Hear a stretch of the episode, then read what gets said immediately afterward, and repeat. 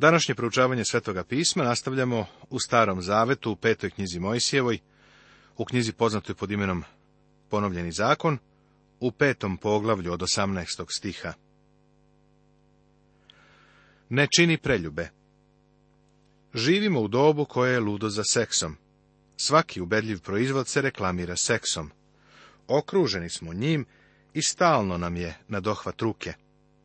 Božja zapovest stoji i danas ne čini preljubu. Ovo je jedan od najvećih greha koji danas razdire naš narod. Ne kradi. Istina je da ima mnogo ljudi koji mogu reći da nikada nisu pokrali samoposlugu, niti banku, ali u njihovom srcu ipak postoji želja da ukradu. Gospod je poučavao da su same misli našeg srca grešne. Mržnja u srcu čoveka čini krivim za ubistvo.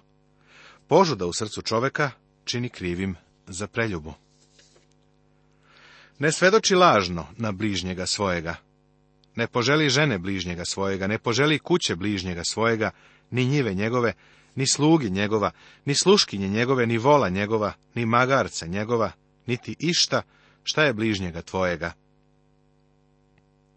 Zapovest protiv pohlepe nam pokazuje da je greh, čak i ako postoji prekomerna želja za nečim, što pripada drugome. Mojsije ponavlja mlađoj generaciji divno iskustvo primanja zakona direktno od Boga. A vi kad čuste glas isred tame, jer gora ognjem goraše, pristupiste k meni, svi glavari od plemena vaših i starešine vaše.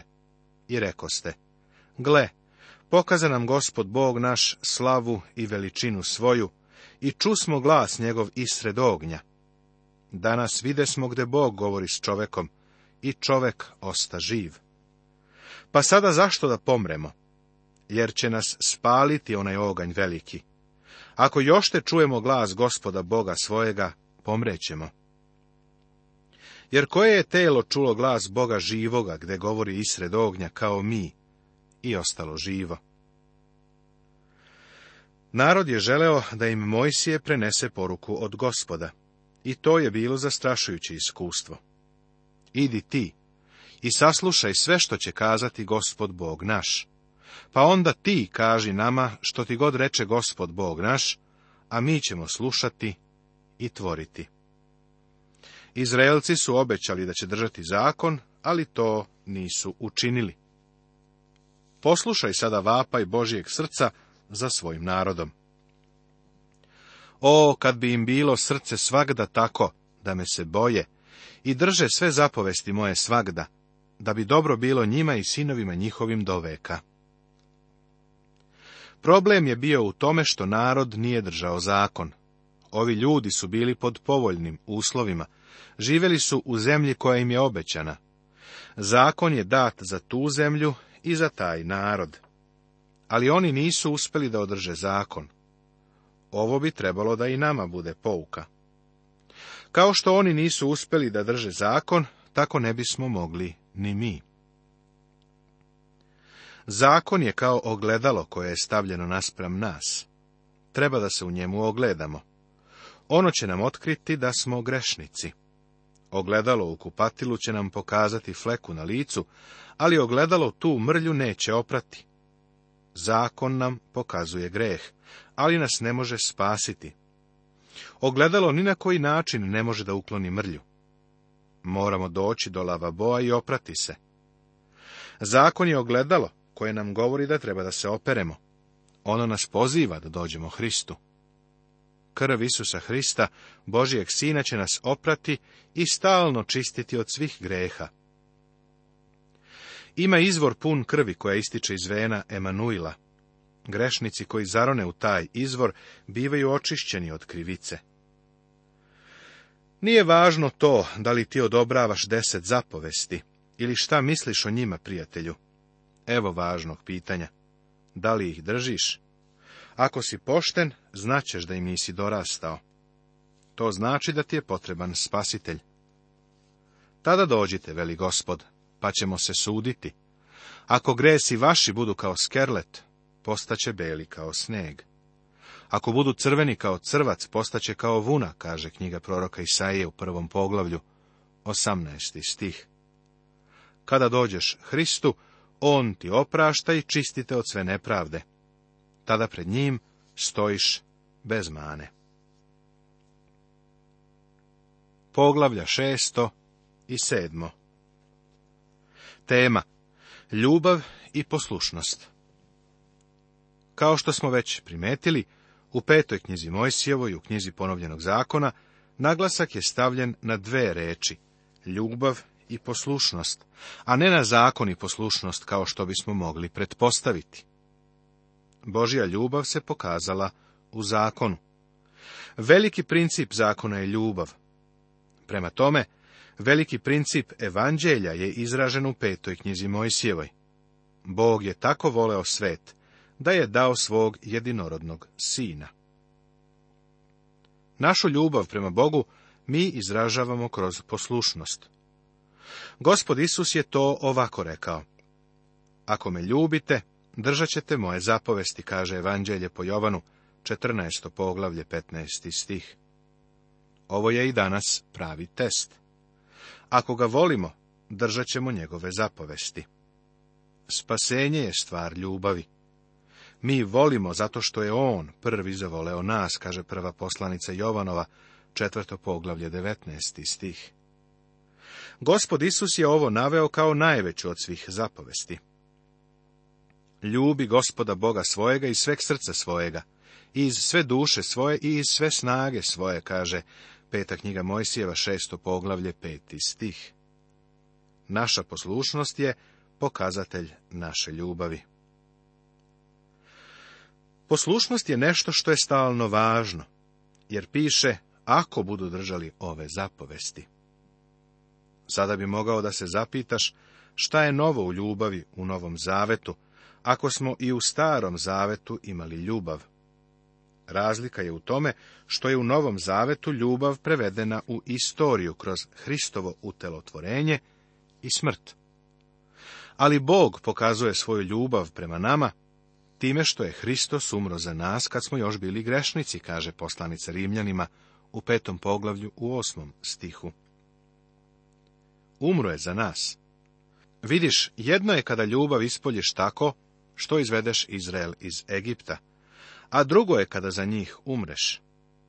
Jedna je stvar reći nešto sa vrha gore Sinaj, a drugo je sići i na sebe uzeti krhko ljudsko telo, postati kao čovek i umreti za naše grehe. Ponavljam, spasenje je stvar ljubavi. Ljubav je u ovome.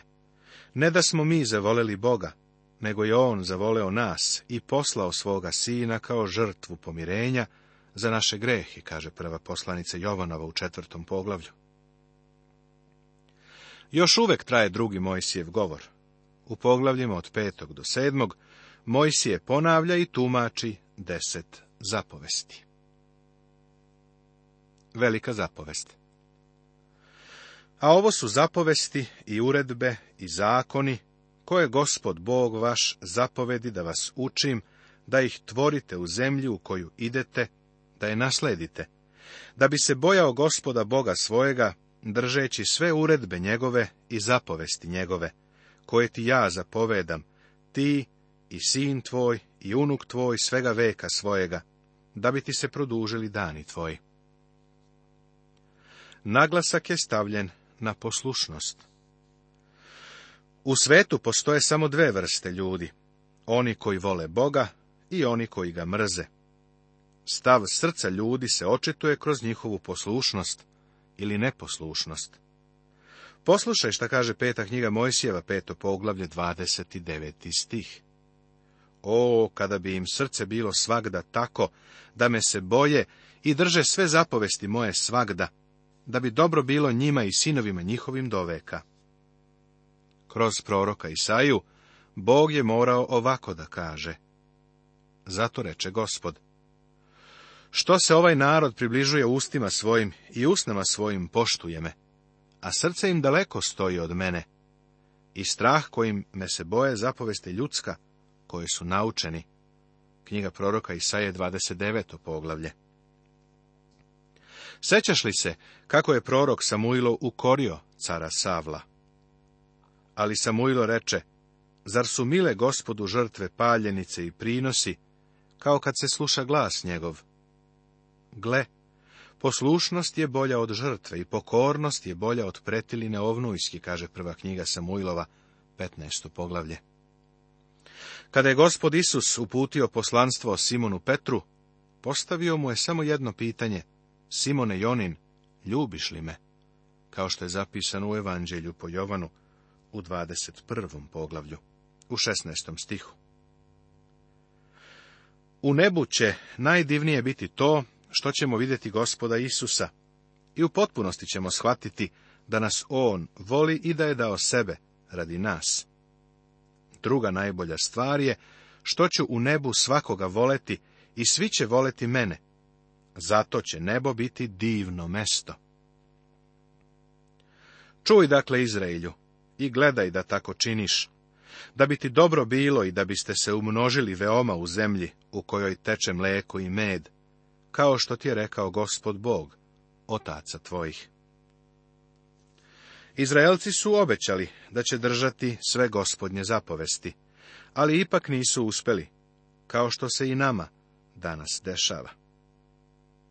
Sada smo došli do izjave koju mnogi teolozi smatraju najvećom doktrinarnom tvrdnjom u celoj Bibliji. Čuj Izraelu, gospod je Bog naš jedini Bog. Ovo je izvanredna tvrdnja. Gospod je na jevrejskom tetragram, koji je transkribovan kao jhvh, a na našem jeziku se izgovara kao jahve ili jehova. Bog je prevod reči Elohim. Elohim je reč u množini. Pošto uz reč nije dat broj, možemo samo pretpostaviti da se radi o broju tri. U jevrejskom jeziku imenica je u jednini u dvojini ili u množini.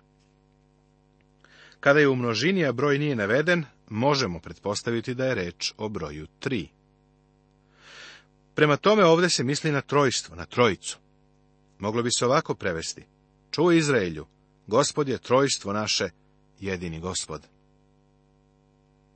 Izrael je živeo u svetu idolopoklonstva. To su bili politeistički narodi koji su obožavali mnoge bogove. Poruka koju su Izraelci trebali da prenesu svetu, bila je poruka jedinstvenog božanstva. Jehova, Jahve, naš Elohim, je jedan jedini Jahve. To je poruka za svet koji je u idolopoklonstvu.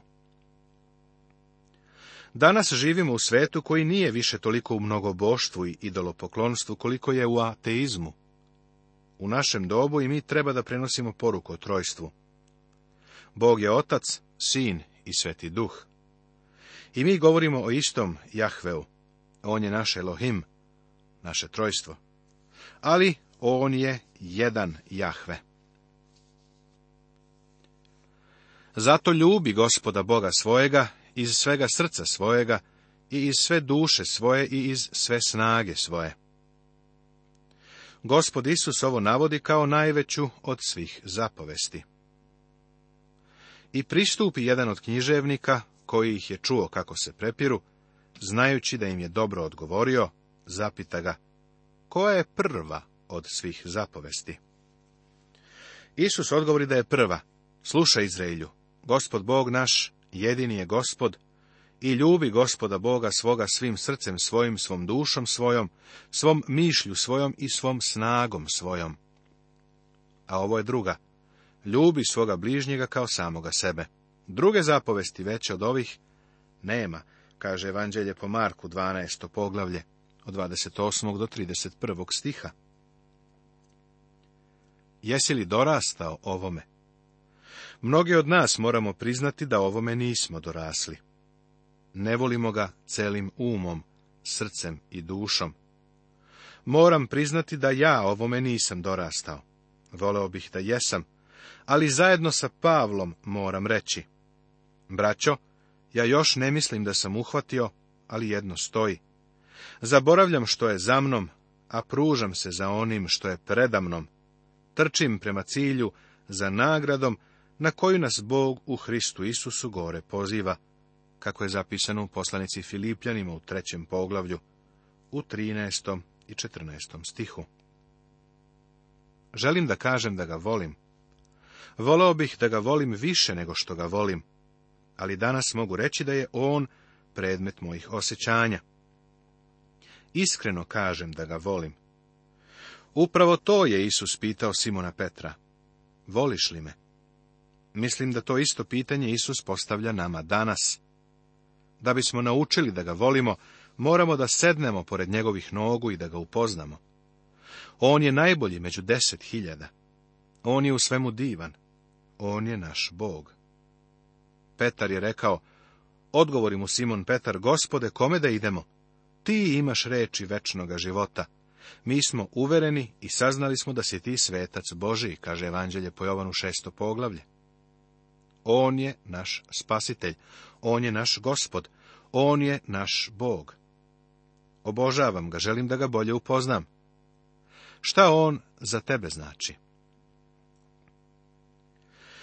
Ljubi gospoda Boga svoga svim srcem svojim, svom dušom svojom, svom mišlju svojom i svom snagom svojom. Zatim gospod Isus spominje treću knjigu Mojsijevu u 19. poglavlje i ističe ljubi bližnjega svoga kao sebe samoga.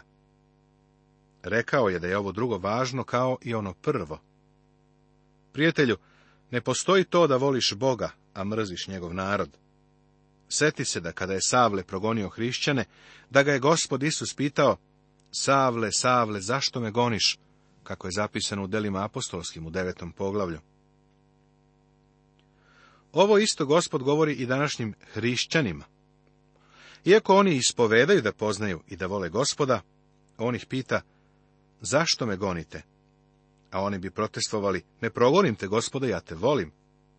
Zatim bi im gospod odgovorio, pa zašto onda tako žestoko ogovaraš i kritikuješ toga i toga? Zašto se toliko protiviš onima koji propovedaju Božju reč?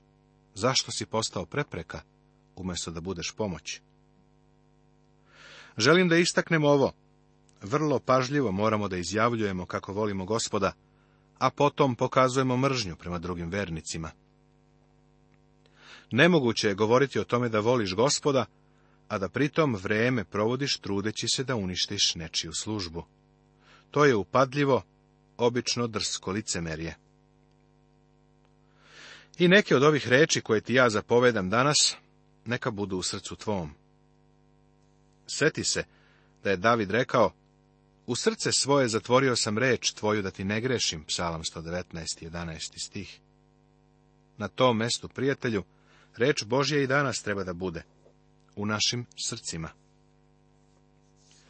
I često ih napominji sinovima svojim. I govori o njima kada sediš u kući svojoj i kad ideš putem, kad ležeš i kad ustaješ. I veži ih sebi na ruku za znak. I neka ti budu kao počeonik među očima i napiše ih na dovratnicima od kuće svoje i na vratima svojim. Ovo isto apostol Pavle govori u poslanici Efescima u šestom poglavlju, četvrtom stihu. I vi, očevi, ne razdražujte svoju decu, nego ih odgajajte u gospodnjoj nauci i opomeni. Roditelji su pred Bogom odgovorni za to da svoju decu vaspitaju u gospodnjoj nauci i savetu. Kroz celo sveto pismo veoma mnogo se govori o odgovornosti roditelja. Uči dete prema putu kojim će ići, pa neće odstupiti od njega nikad ostari, kažu priče 22. poglavlje 6. stih. Ovo ne znači da ćeš ga učiti putu kojim ti hoćeš da ono ide. To znači da za dete Bog ima put kojim treba da ide, a da ti treba da sarađuješ sa Bogom. To roditelju znači da treba da budeš blizu Boga. Ove reči su pred sobom morali da drže u svako vreme. Reklame gledamo na bilbordima, kroz različite znake i neonska svetla. Nije čudo što se Amerika danas sve više okreće alkoholu, cigaretama, drogama, to je stalno pred očima ljudi. To gledamo na televizijskom ekranu, na radiju, slušamo, vidimo u svim reklamama. Mladi ljudi se ovome okreću jer ih to susreće gde god se okrenu. Bog želi da njegov narod na isti način poučava njegovu reč. Gde god da se okrenu, oni treba da ih susretnu. Zašto? Jer je ljudsko srce sklono tome da zaboravi Boga i njegove puteve. Nastavit će se.